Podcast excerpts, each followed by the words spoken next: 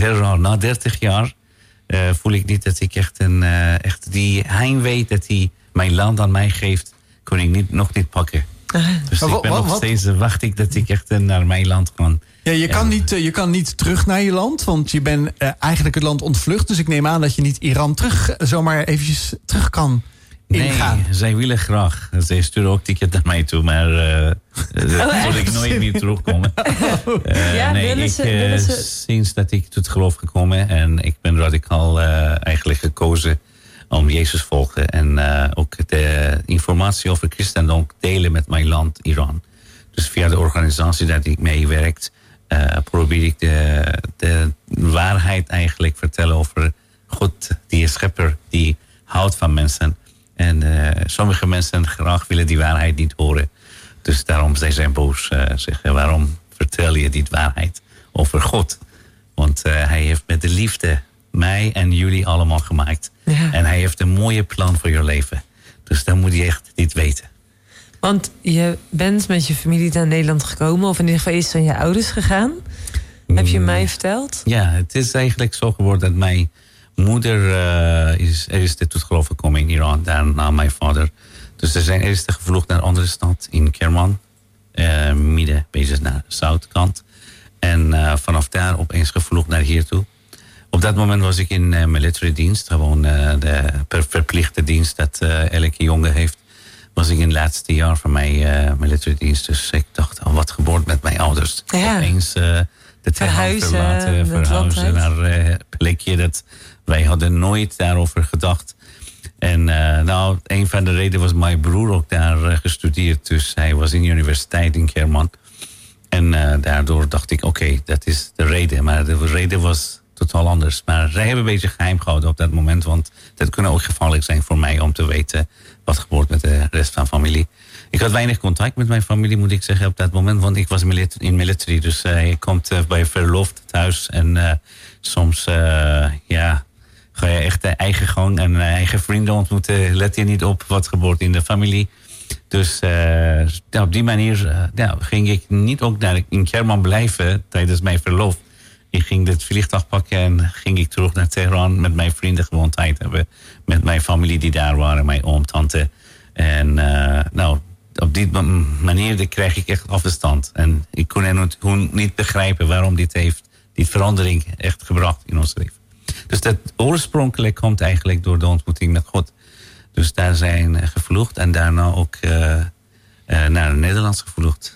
Want wat is het risico als je in Iran tot geloof komt en nou, christen wordt? Ja, het is een groot risico dat jij bent echt afval als jij uh, van islam bekeert naar andere geloof.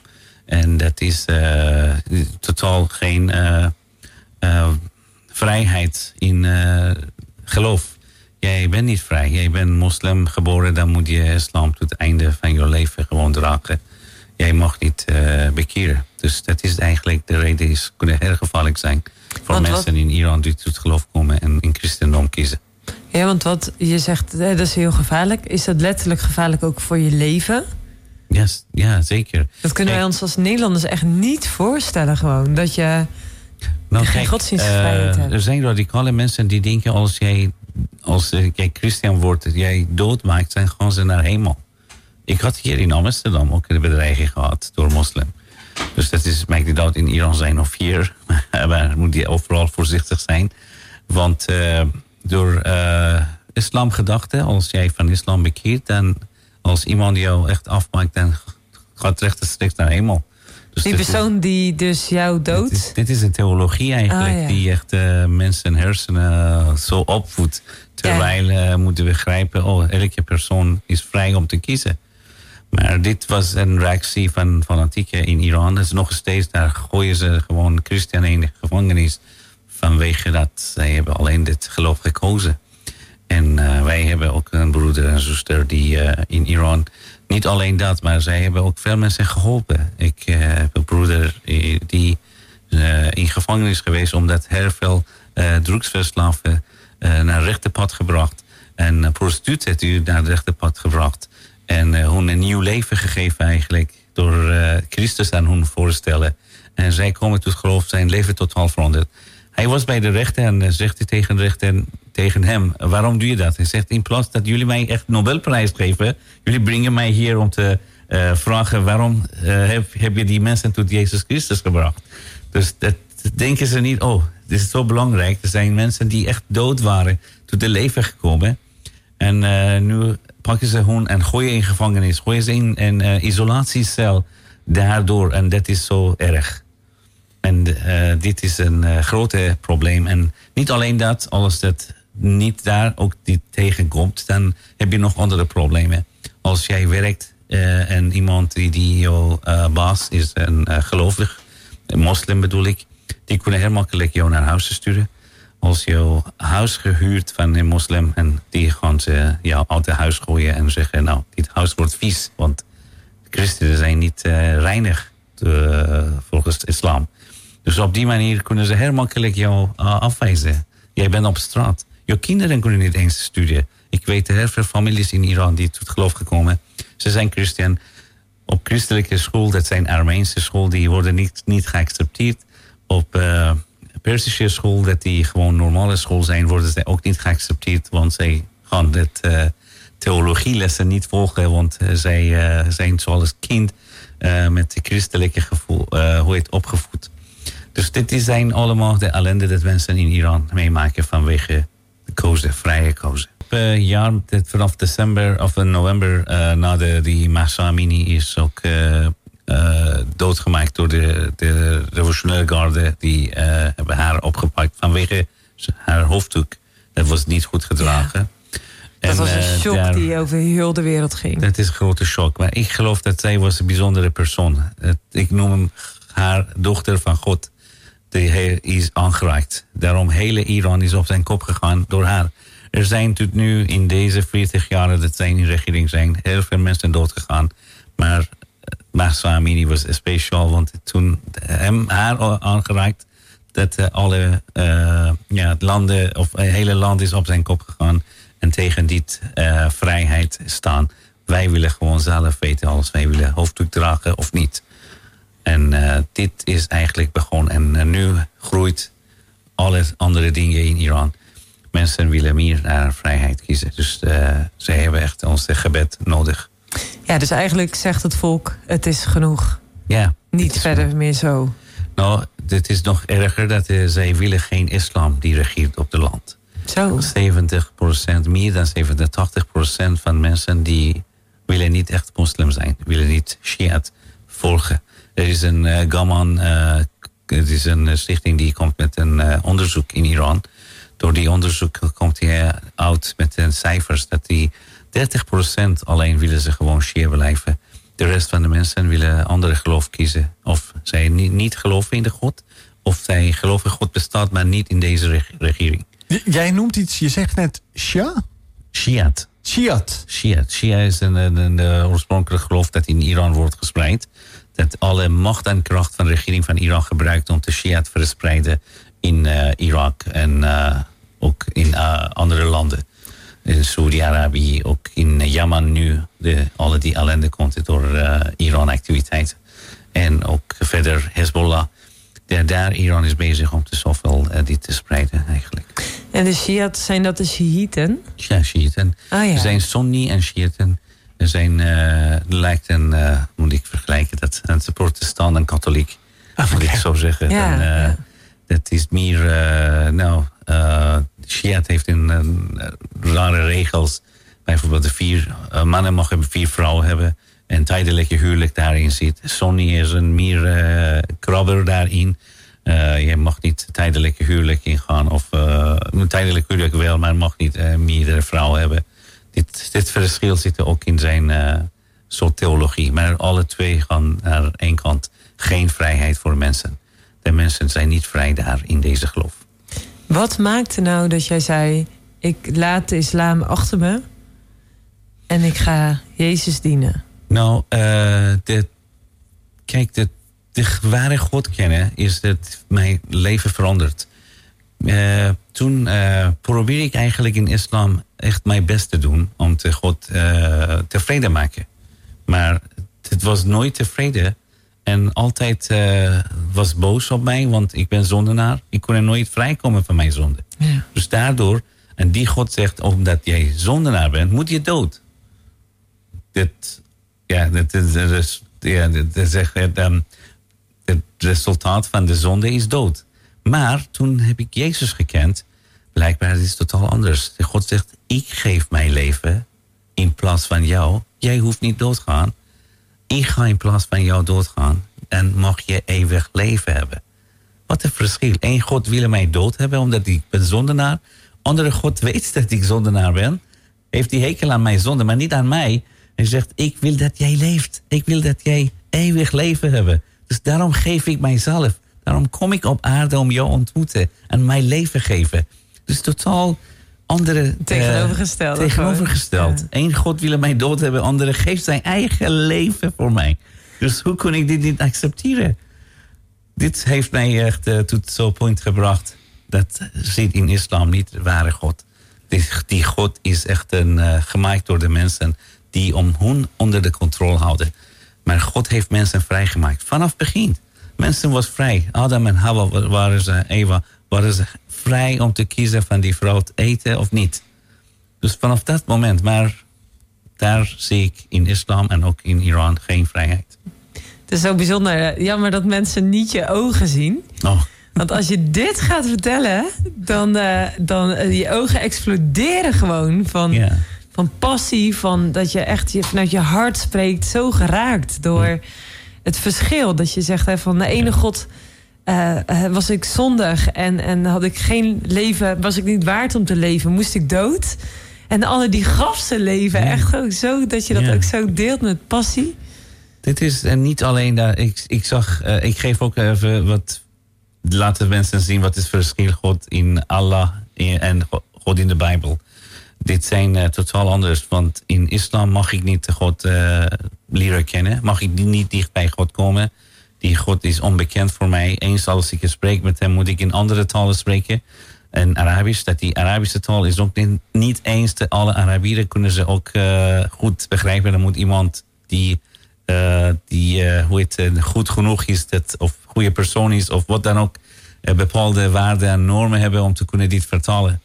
Maar die God mag ik helemaal niet daarover ook denken. Mag ik geen beelden daar tekenen. Als je beeld van God je tekent, zegt hij nou, lijkt mij God ziet eh, zo eruit, dan wordt hij ook eh, gepakt.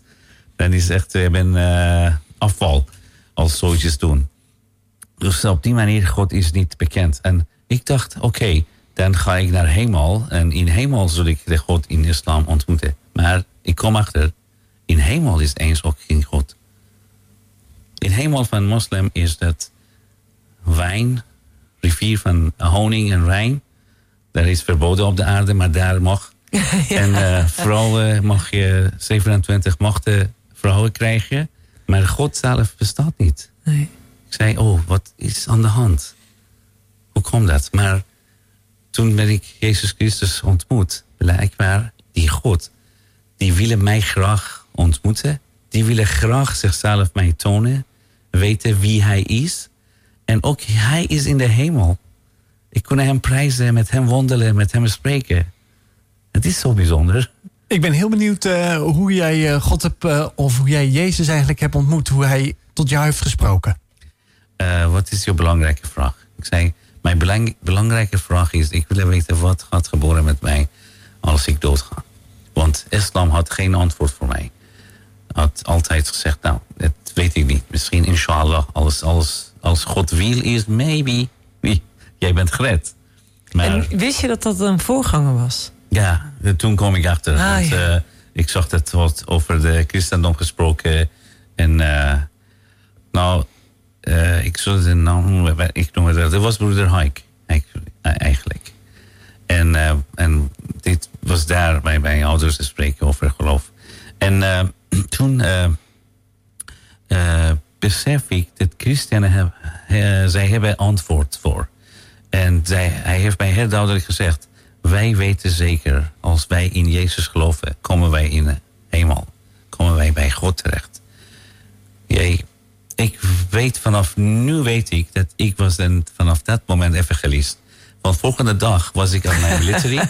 ik vertelde alle andere soldaten Wij zijn, wij zijn alles moslim. Wij weten niet waar zij naartoe gaan. Maar die christenen, die weten al, als zij geloven. Ze gaan allemaal naar hemel en zij ontmoeten hun God. Maar waarom blijven wij dat geloven? Dus ik, dit was echt... Nagaan, een 22-jarige ja, verschiet of zo. Ja, die ik, echt... ik wist dat helemaal niet hoe, hoe uh, gevaarlijk zijn eigenlijk. Ja. Maar nee, dat heb ik echt gelijk gesprek ik met alle mensen. Maar dit was allemaal in mijn hoofd. Ik was niet Ja, echt een koze gemaakt. Toen uh, later uh, de verhuizing van mijn ouders en uh, vluchten naar Nederland, kom ik ook gewoon hier bezoeken.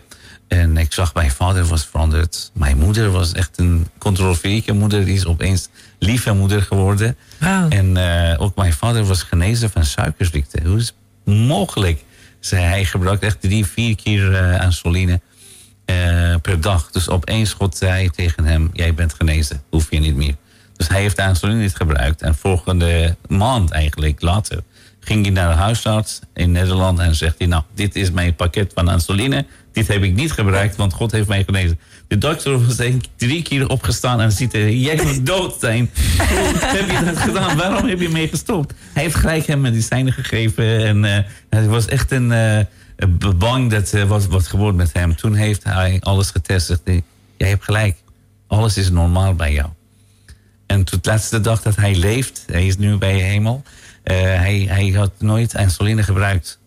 Dus dat, hij was helemaal goed. Hij testte uh, suiker, want de dokter zegt dat moet hij altijd testen. Ja, ja. Maar, dus dit dat brengt mij toe gedacht, het, het, het, is, het is aan de hand. Dus ik ging met hun naar de kerk. Mijn moeder had heel voorzichtig aan mij gevraagd. Uh, wij gaan naar de kerk in Nederland. Dus ga je mee? Zei, ja, wa, wel. Ik weet vanaf die mijn onderzoek dat de het beste dat ik kent is Jezus. Die wil ik graag meer leren kennen. En ging je naar de Iraanse gemeente? Nee, nee, toen was geen Iraanse gemeente in Nederland. En ook in Europa volgens mij ook niet. Dat was in 1990. En waar ging je heen dan? Het was de Pinkstergemeente Horen. En daar, daar kon je dan wel de dienst verstaan? Of was het vertaling? Nee, het, het was in Engels, uh, wordt altijd gesproken. Vanwege ons en andere asielzoekers die waren. En ik was verplicht om te vertalen voor mijn ouders. Oh. Want uh, zijn Engels was nog niet zo best. Maar ja, mijne ook niet. Maar toch, uh, ik vertaald en soms ik preek. Okay. ik vertaal ik. Maar, en toen langzaam aan de hand door de vertaling word ik echt aangeraakt. Elke keer stuk voor stuk. Uh, ben ik mij verdiept in Gods woord en begrijp ik wat Gods plan is. En uh, ik ben zo dankbaar aan die gemeente en ook uh, hoe hebben ze die met geduld uitgelegd. Nou, op één dag komt de zoon van voorganger en geeft mij een cadeau. Die heeft mij echt aangeraakt, want ik wist dat hij heeft zelf dit nodig. Maar die heeft naar mij toegebracht. En hij zei, Farshid, je hebt zoveel dingen kwijtgeraakt. In Iran achtergelaten. Ik wil jou dit aan jou geven toen besef ik, oh, wat is dat? Die man moest echt ietsjes hebben dat ik niet heb. Ik heb altijd wat ik extra had, of twee van had, weggegeven, maar niet ietsjes dat ik zelf nodig had. Toen ging ik naar mijn kamer en ik heb hem gezegd, ga maar naar huis, ik wil alleen zijn. Hij was helemaal geschokt, ik ook eigenlijk. Ja. En uh, toen ging ik naar mijn kamer en ik zei, God, ik wil die liefde hebben. Ik wil weten wie jij bent en ik wil weten waarom ben ik op die aarde gekomen? Waarom hebben mij geschept? Ik weet als je serieus die vraag aan God gesteld wordt geworden. Het was een geest van blijheid. Lijkt een, was een echt een, ik was een blij. Ik was zo blij. Ik had mensen van tevoren waar ik vasthouden en zeggen, ik hou van jou, want God heeft jou gemaakt. Echt, echt vijf seconden van tevoren had, had ik sommige mensen. Want ze hebben echt de pijn gedaan in ons leven. En ook mijn familie. En alle die ellende ook gebracht. Dus jij bent boos. Maar die boosheid was weg. Er komt de liefde in plaats van die. En God spreekt tot mijn hart ook. Hij zegt, Farshid, ik heb ook mijn beste. Mijn eigen zoon, mijzelf, voor jou gegeven. Toen besef ik, wie is Jezus? Wat heeft voor mij gedaan? Wat een liefde. Wauw die liefde, hij zegt ook letterlijk tegen mij: Jij kunt het niet meer ontvangen, anders gaf ik jou meer. Dit is mijn liefde voor jou en voor mijn schepping. Ik hou van mijn schepping. Ik schep hem met de liefde. En dit was mijn ontmoeting eigenlijk met God. Wij hebben vanavond nog een uurtje Waldfeet hier te gaan op uh, Walt FM. En uh, vanavond hebben we voor Sheet in de uitzending. Ja, hij uh, vertelde al eigenlijk een vrij inspirerend verhaal het eerste uur. Heb Nou, je dat nou gemist? Dan uh, moet je morgen, of misschien overmorgen... aangezien ik morgen een dagje in de schoolbanken zit... Uh, de, de podcast gaan luisteren. Want uh, zijn verhaal komt ook op de, op de podcast. Maar hij vertelde eigenlijk over het leven in Iran wat hij had. Hoe hij ja, daarin als uh, ja, jongvolwassene een ontmoeting met God heeft gekregen. Met Jezus die daar duidelijk in zijn hart sprak. Tot zijn hart sprak. En hij moest daardoor ook vluchten. Want in Iran was hij gewoon niet meer veilig voor het geloof. Want hij had geloofsvrijheid ervaren in Jezus. En daardoor moest hij vluchten. Want anders zou hij worden opgepakt en misschien zelfs gedood worden. Want dat is nog steeds vandaag de dag... Uh, daar is sprake van, zei Farshid ook in het eerste uur.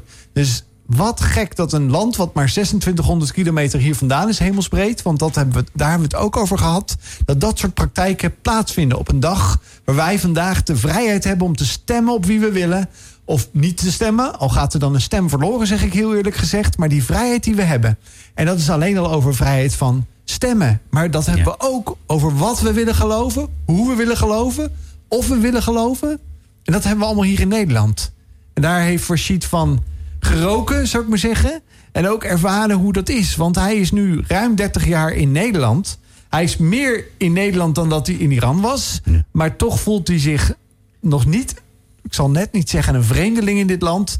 Maar wel dat hij zegt van ja, je merkt wel als ik dicht bij mijn eigen landsgrenzen kom. Ik kom niet meer in mijn eigen land waar ik geboren en getogen ben. Maar dat ik ruik en proef dat ik daar thuis hoor. En ik denk dat dat altijd zal blijven, zal nooit weggaan. Maar Farshid, vertel eens mij, vertel de luisteraars eens eventjes... hoe kan je dan toch hier in Nederland ja, je plekje vinden? Hoe, wat maakt het dit toch een klein beetje dat je welkom bent... en dat je thuis bent een beetje? Ik Op denk, visite, zal ik niet ik, zeggen, maar... Ja, ik denk dat die, die uh, gevoel dat ik heb... is eigenlijk door God aan mij gegeven hij heeft een plan. Daarom laten mij niet echt een, uh, hier zo voelen. Maar misschien andere Iraniërs of andere mensen die migreren heel snel. En uh, hebben ze dat echt, uh, die gevoel ook hier hebben. Het is niet betekent dat ik niet heb gemigreerd hier. Ik ben hartstikke ook in sommige punten Nederlander geworden. Dus... en wat is zo'n punt? Dat je zegt, ik ben daardoor wel Nederlander geworden nou, in dat stukje? De, een beetje goed zuinig zijn. En, uh, kijk, kijk, kijk. en ook een dingetje over de, de gebruik van uh, energie bijvoorbeeld. Nou, maar in, het was vreselijk. Toen waren we in Iran, wij letten niet op hoeveel lampen zijn aan in de huis. Ik herinner mij dat overal alle kamers moeten aan zijn als wij thuis zijn. Ah, ja. Als wij daarin zijn of niet, maakt niet uit. Want dit zijn dingen echt, je leert ervan. Ik denk van alle culturen zijn mooie dingen moet je leren. En uh, slechte dingen moet je echt niet leren. Echt uh, laten opzij. Ben, ben, je al een beetje wel gewend aan het Nederlandse weer bijvoorbeeld? Ik, ik, ik haal het eventjes heel erg naar vandaag de dag. Ik denk het wel, ja. Dat, dat wel. Want uh, ik vergeet eigenlijk de weer van Iran. Want uh, de, de warmte... De, behalve als ik naar Turkije ga of naar uh, andere landen, die warme landen...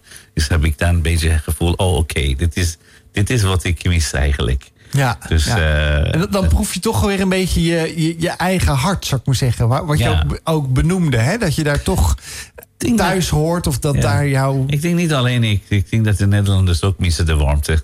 Ja. Daarom Sommigen wel, maar er zijn weer degenen die, te, die Ja, liever ja, ja, ja. 24 uur, 365 dagen sneeuw. Nou, dan zou je misschien ook zat worden. maar Nou, nee, hè? serieus, vanmorgen... Ik had veel geluksmomentjes vandaag. Maar vanmorgen reed ik naar Hattem. En eh, was, reed daar een beetje door de bossen heen. En eh, eh, was, daar lag gewoon een laagje sneeuw. Ja. En de zon scheen. En ik dacht echt, oh, dit zijn echt mijn favoriete dagen van het jaar. Ja. Wintersweer, zonnetje erbij. Ja. Fantastisch. Ja, dat is leuk. Ja. Ja, mooi. Nou, het is wel over negenen, dus ik hoop dat je gestemd hebt. Of misschien sta je nog wel in de rij en luister je ondertussen nog naar eh, de live-uitzending hier van Walter Fan. Maar ik hoop dat je gestemd hebt en dat je er gebruik van hebt gemaakt. En dat je ook ja, Nederland van Nederland en voor Nederland laat zijn. Nou, het eh, eerste uur is volop achter de rug, dus wij gaan door met het tweede uur. En de opening daarvan is de tijdmachine. Ja, ja, ja, ja, ja. En ik ga met de open Want we gaan ons klaarmaken. Want Farshid gaat ons vertellen waar hij ons mee naartoe gaat nemen. Farshid, vertel eens. Welk Bijbelboek ga jij ons meenemen? Oh, mijn favoriete Bijbelboek. Uh, nou, ik vind uh, Daniel is een mooie Bijbelboek. Nehemia is een mooie Bijbelboek voor mij. En Remia. Maar vertel eens, welk verhaal? Nou, bij Daniel is eigenlijk. Uh, en wil ik even, dat lijkt je heel moeilijk. Want ik, ik heb het idee over de Bijbel. Is, de Bijbel is niet alleen de story of het verhaal van vroeger dat jij leest. De Bijbel is eigenlijk jou, jouw leven. Daarom, als ik Nehemia boek lees, dan denk ik, oh, dan ben ik ook Nehemia soms. Hoe? Nehemia zag het land waar hij vandaan komt, uh, was helemaal geschuurd. Er was geen uh, poorten, geen doren. Dus de vijand kon aanvallen, vernietigen. En uh, komt er huilend bij de Persische rijkdom, een Persische king. En de Persische king vraagt hem, wat is aan de hand met jou? Hij zei, ja, ik kon niet zo makkelijk hier blij zijn als mijn land zo gescheurd is. Ik ben nu op dit moment Nehemia. Ik heb pijn voor mijn land.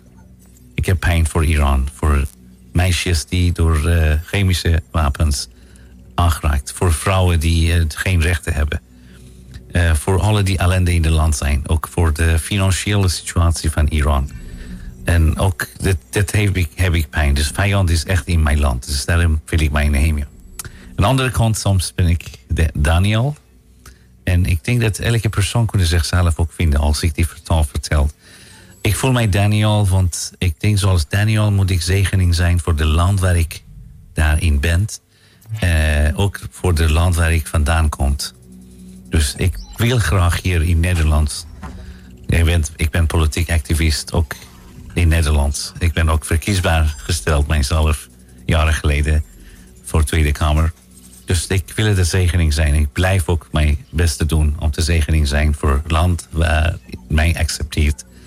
En ook zegening zijn voor mijn eigen land, zoals Daniel voor zijn familie, voor vader en broeders. Dus uh, daarom voel ik mij soms Daniel. En uh, Eremia vind ik een mooie boek, want daar staat een mooie uh, tekst dat ik gewoon ik dat elke persoon die tekst zegt die Jeremia 29 vers 11 nee 11 vers 29 ik zal even mij corrigeren. Zegt hij God heeft een plan met elke persoon. God heeft een wil het beste voor mensen die geschept en heeft ook met jouw plan. En ik weet zeker God heeft met mijn plan. En met jou die luistert heeft hij ook mooie plan. Hij heeft niet zomaar jou gemaakt. Jij bent uniek. Jij bent enige dat God heeft zijn leven voor jou gegeven. Niet enige en wij zijn allemaal. Wie hem accepteert, zullen eeuwig leven met hem hebben. Dus het is zo mooi ook wandelen in de Godse plan eigenlijk. Want het is de beste. Zoals moeilijk is, dat maakt niet uit. Maar als jij weet dat is Godse plan, als jij in gevangenis bent, dan ben je blij, want God heeft een plan met jou. Zoals Daniel weer en zoals Nehemia, zoals Esther ook heeft zijn volk gered in Koninkrijk van Persia weer. En zie je daar, daar hebben ze alle die verhalen ook te maken met mijn land waar ik vandaan kom, Persia. Dus dat is, maakt het extra bijzonder voor mij om uh, dichter bij Gods woord komen en um, ervaren in mijn leven. Persische Rijk, ik denk dat, dat wij dat wel kennen van naam. Maar het was vroeger toch heel groot, het Persische Rijk? Jazeker. Uh, kijk, het is bijzonder, want uh, uh, misschien, misschien mensen vragen waar blijft die Persische Rijk? Wat gebeurt met die? Uh, als je kijkt, alle die boeken, er zijn ook Habakkuk, Azra ook in Persia geboren. In alle die boeken, jij ziet dat Persische rijkdom en Persische koningen die achter Israël staan. Achter Godse plan dat die Jezus zullen, de redder zullen van die volk komen. En de reden dat die nu, islam is Iran aangevallen de naam van het land veranderd naar Islamic Republic in plaats van Persia. Dit is eigenlijk een haat zit daarachter. Maar mensen vragen ze niet, hoe komt dat? Waarom willen Iran nu, de, de regime eigenlijk, niet mensen, willen ze uh, Israël vernietigen? Wie heeft die opdracht gegeven? Niemand denkt daarover. Als ze zelf misschien denken, denken ze ook, wie heeft mij opdracht gegeven om te zoiets te vertellen? Want elke persoon heeft recht te leven op de aarde. Waarom moet je zoveel tegen de andere uh, mensen zijn, zoals Israël, als, als de Joodse? Dus ik denk dat uh, de vijand is boos op Persia. Daarom is hij aangevallen. Weer met zelfde rijkdom, zelfde mensen, zelfde macht en kracht eigenlijk nu tegengaan tegen de geschiedenis dat hij al in Torah geboord.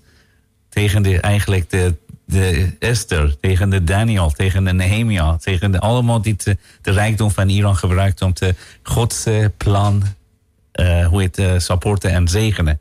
En nu zijn boos. En uh, ik geloof dat God vergeeft dat niet, wat de Persia gedaan.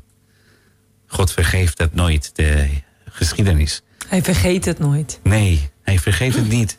Diezelfde Persia, God heeft hij gebruikt. Dezelfde Persia hebben zijn koning, Kurush, als de, uh, de, de, de gezalfde koning genoemd. Het is heel bijzonder. Er is geen enkele andere koning die gezalfde koning genoemd als in Persia. Dus God heeft ook beloofd voor Iran, voor Iraniërs. Op de einde zullen zijn troon daar opbouwen. In Iran. Bijzonder. En dat is een belofte van God. Hey, je noemde net hè, de vijand. Wat zie je dan als de vijand? Hoe kan het zo zijn dat Iran nu zo getransformeerd is eigenlijk van, van juist het supportive naar Israël toe naar zo'n tegenstander? Het is een geestelijke oorlog eigenlijk. Het is niet echt een uh, mens aan vlees. Dat is echt een geestelijke oorlog. Uh, kijk, mensen zoeken altijd door de vlees heen en uh, gaan ze iemand verantwoordelijk liggen. Toen de, de, de tovers die in New York vallen en drie vliegtuigen in de gebouwen gaan, niemand vraagt hoe komt dat? Welke theologie zit achter die? Zij zoeken naar iemand die verantwoordelijk draagt dat hij zo'n actie uitvoert. Maar hoe kun je zo'n actie uitvoeren? De mensen mensen doodmaken. Dit is een zieke theologie, vind ik. Niemand gaat tegen die theologie spreken, maar wel tegen de Ben Laden of wie andere persoon of wie is achter die. En nu ook, zij zochten echt in de vlees, maar er is een geestelijk die achter staat. Het is een theologie die achter staat, die die mensen zo kracht geeft om te iemand doodmaken. Of de andere afmaken. En wat als iemand luistert en zegt, uh, ja, voorziet heel mooi, maar uh, pff, geestelijke wereld. Uh, je spreekt over machten die, die we niet kunnen zien. Je zegt dat overstijgt het vlees en bloed. En wat als mensen daar eigenlijk nog nooit over nagedacht hebben, of, of misschien wel benieuwd zijn naar een stuk spiritualiteit en, en aanhaken bij dit programma omdat ze jou horen praten en dachten, nou vet, ik, kom, ik haak aan. Of mm. mensen die al uh, wekenlang of al een lange tijd ons volgen uh, bij Wild Fate. Uh, wat als mensen dat nog niet zo goed kennen en dan denken geestelijke strijd, hogere machten die daarin plaatsvinden, hoe, hoe, hoe leg je dat uit? Oh, het is Hmm, ik denk het niet. Ik kan ik zo snel uitleg geven daarover. Maar toch, uh, kijk, toen was ik mm, God niet kent. Ik had geest. Maar mijn geest was in controle en iemand anders. Ik doe gewoon zonde achter zonde, fout achter fout. Maar toen heeft hij God herkend. Hij heeft mij gezegd, hij heeft mij gezegd, jij bent nu nieuw geboren. Kun je mij al zeggen wat betekent dat nieuw geboren? Dat betekent mijn geest eigenlijk over nieuw geboren. Want Jezus komt in mijn leven, komt in mij. En God is niet alleen de, de van afstand. Het is ook heel bijzonder, de verschil ook tussen uh, de God dat ik ken en nu ken ik. Die God mag ik niet dichtbij komen, maar die God zegt, als ik niet in jou ben en jou in mij, kun je niks doen. Dus dit wil ik eigenlijk meegeven, dat God wil jouw geest eigenlijk laten opnieuw geboren. En dit is dezelfde geest. Als jij onder de hand van de Heer bent, van de God dat jij schept, dan geef je een nieuw leven. Maar als dat niet, dan ben jij onder controle van een andere geest. Dan, uh, dan, dan, dat is eigenlijk de verschil. Daarom mensen kunnen zoiets uh, erg doen tegen andere mensen. Kunnen ze geen, uh, de men, mensen noemen ze dat het is geen menselijk. Mm -hmm. Begrijp je? Ja. Dus die actie is geen menselijk. Wat betekent dat? Dat bedoel ik, dat is de, controller of iemand die opdracht geeft, dan is het niet. Dat is een geest. Uh, het is veranderd naar Transform Iran, uh, de naam.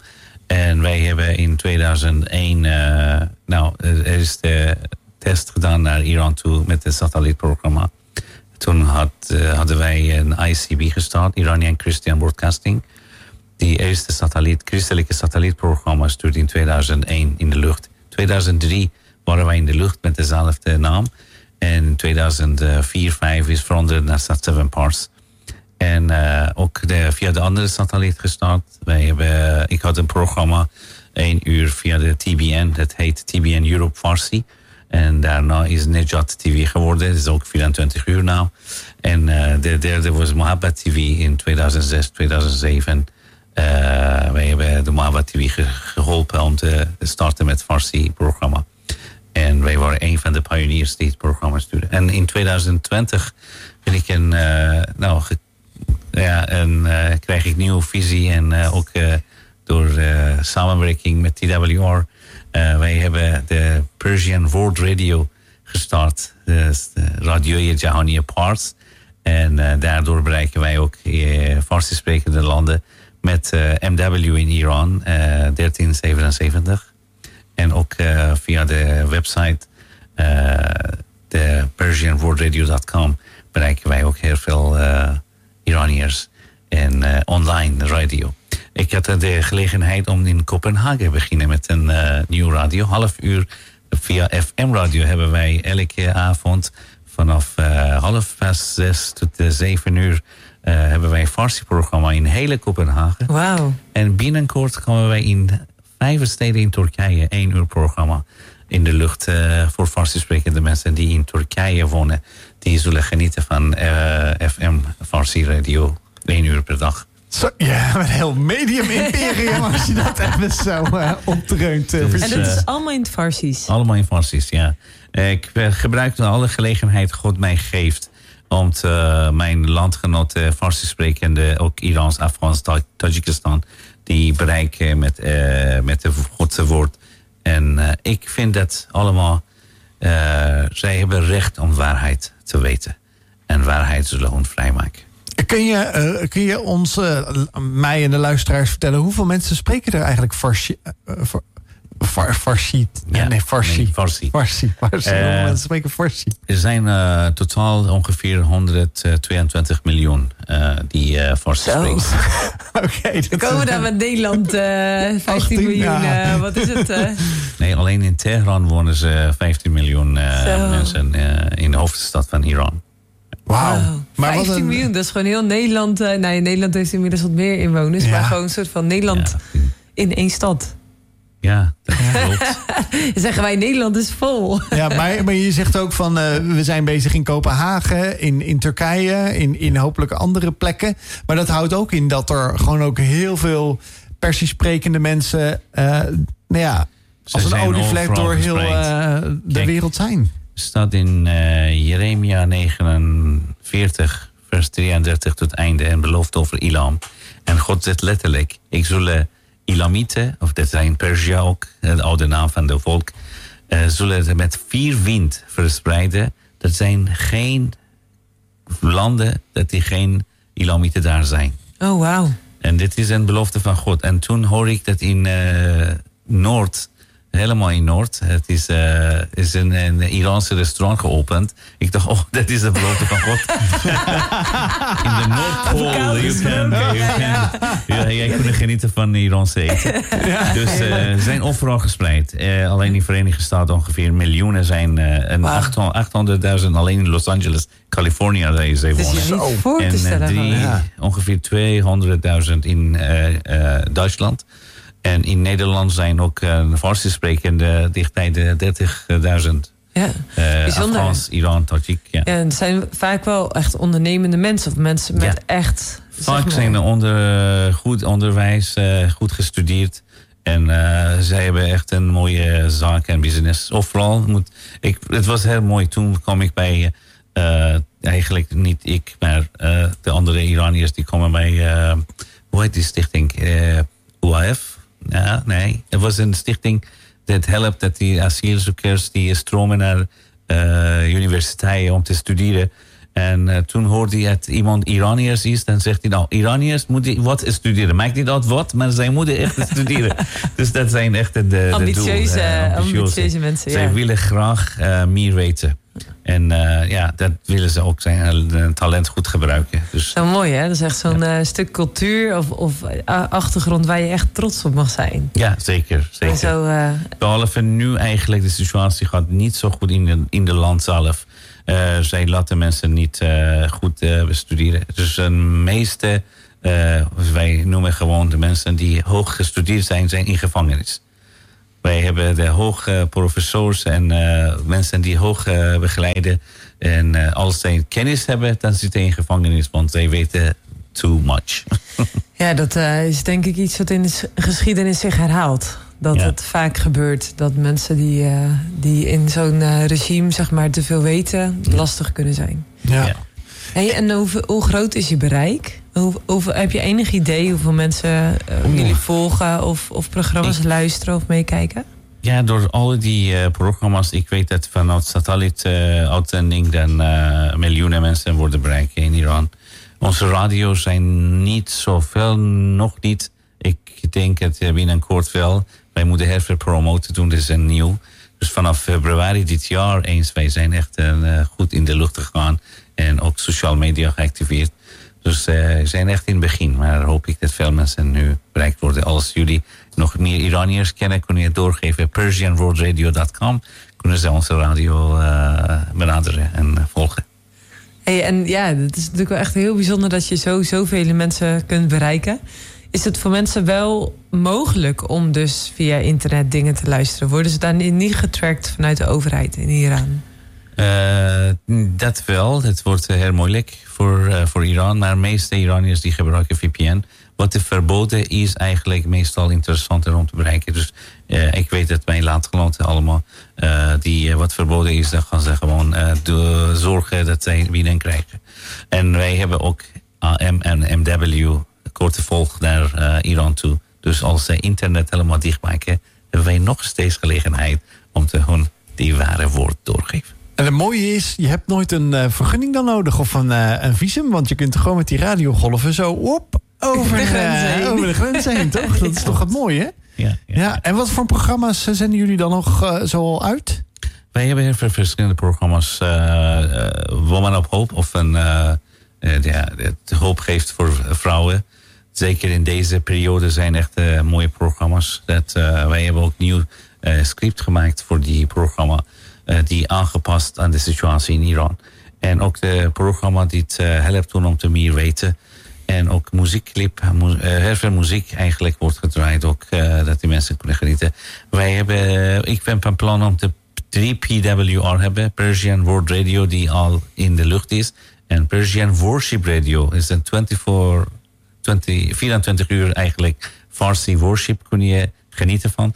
En ook uh, de Persian Word of God radio. Dat wordt 24 uur Bijbel gelezen in verschillende accenten en talen van Iran. Dus uh, ochtend hoor je Turkisch, een uh, uur in Baluchi, Lori, Bakhtiari, Gilaki. En alle die talen worden Gods woord daar in 24 uur gedraaid. Dus daar is onze toekomstplan. Hij is een echte media tycoon, bijna zou ik zeggen. Met alle stations waar hij uh, wat mag betekenen. En dat is prachtig. Um, ja. Maar wat is de, ja, eventjes zo van, van wat, de programma's die je hebt gezegd. En wat, zijn, wat is de impact eigenlijk? Voor, wat, wat voor reacties krijgen jullie terug van mensen die luisteren? Het is heel bijzonder. Uh, ik zou even over het eerste programma hebben. Het eerste programma was in de lucht. Komt iemand, uh, belt mij vanuit Iran. En zegt hij, ik, heb me, ik ben drugdealer. Ik ben uh, drugs uh, verkocht. Die man had geen uh, geld, heeft mij satelliet gegeven. Ik kom mijn satelliet installeren bij mij thuis. Opeens kom je een jonge man die biedt. En na deze gebed, ik voel mij helemaal anders. Ik weet niet wat gebeurt met mij. Kun je mij uitleggen, wat heb je met mij gedaan? Dat was ik eigenlijk in het programma. En toen dacht ik, oh mijn god wat, wat heb ik gedaan? En uh, toen besef ik dat mensen echt aangeraakt door, door alleen een eenvoudige gebed. Ja. Want uh, ze zijn zo dorstig. Ze zijn op zoek naar God. En wij geven hun geen religie. Wij geven relatie. De mensen die willen geen religie. Zeker, ik ben ook tegen religie, moet ik zeggen. De religie staat er duidelijk. Als jij wil religieus zijn, als jij één van de wetten niet doet, dan ben jij onder vloek. Je moet alle wetten gewoon doen, door de religie leven. Maar wij leven door relatie. Relatie met Jezus Christus. God wil een persoonlijke relatie met elke persoon. Ook Iraniërs, ook met jou, wat, als je luistert. Dus God wil echt persoonlijke relatie. Dus daardoor worden mensen aangeraakt en accepteren. Dat is onze succes. En daar is een zoveel reactie komt na elke programma. Ik weet een, uh, na het programma die heet is de prostitutie en daarna de naam veranderd naar wie gaat, gooit is de stone. Oh ja. En uh, daarna is de en naam dat is gerefereerd ja, aan, uh, aan de Bijbeltekst. aan de Bijbeltekst in Johannes 8. Ja. Dat, pardon, daar is, daar is een vrouw die dus betrapt wordt op overspel. Ja. En dat Jezus dan de mensen die eromheen staan zegt... Hey, wie zonder zonde is, werpen deze steen. Dus vandaar dat je zegt, hey, we hebben dat Bijbel... Uh, we hebben die titel gegeven aan het programma. En dat was um, vrouwen die bellen naar ons toe vanuit Iran. En zeggen, wie is die Jezus die mij niet beoordeelt? Wauw. Wij willen dit volgen. En dit reikt mij aan. Dat, die, uh, ja, dat, dat willen wij Iran geven. Dat willen wij onze landgenoten, ook, ook in Nederland, willen aan mensen geven. God beoordeelt jou niet. God wil jou gewoon redden. God houdt van jou. Wat, daar word je ook wel een beetje stil van, denk ik. Toch? Als je dat soort verhalen Oh ja, is, regelmatig eh, hoort. En ook de laatste tijd ook door radioprogramma heel veel mensen ook aangeraakt. En ook uh, zeven hun weet ik dat die door uh, onze follow-up team zijn bezig zijn om te, de disciple cursus of een, uh, de volgen en groeien en bloeien in zijn geloof en relatie met God.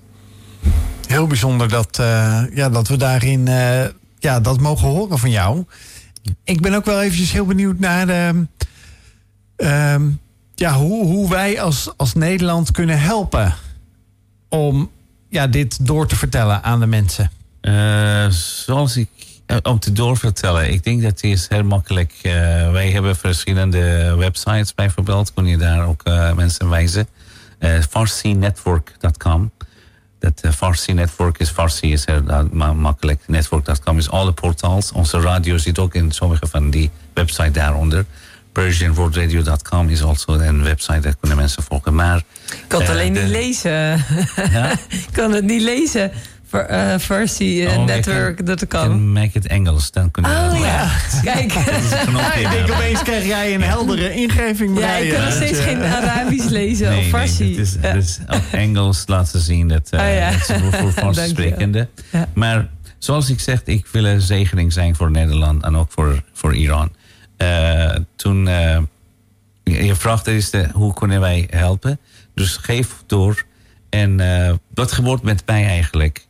Door de liefde, door de Nederlanders die mij geaccepteerd en zijn liefde van God aan mij getoond.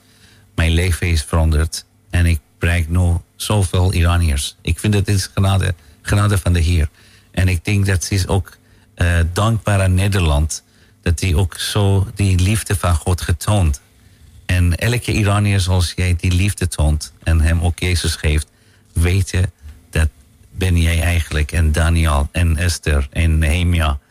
Die persoon moet daar naar zo'n persoon kijken. Of één Paul, één Timothy heb je eigenlijk uh, klaargemaakt om te land bereiken.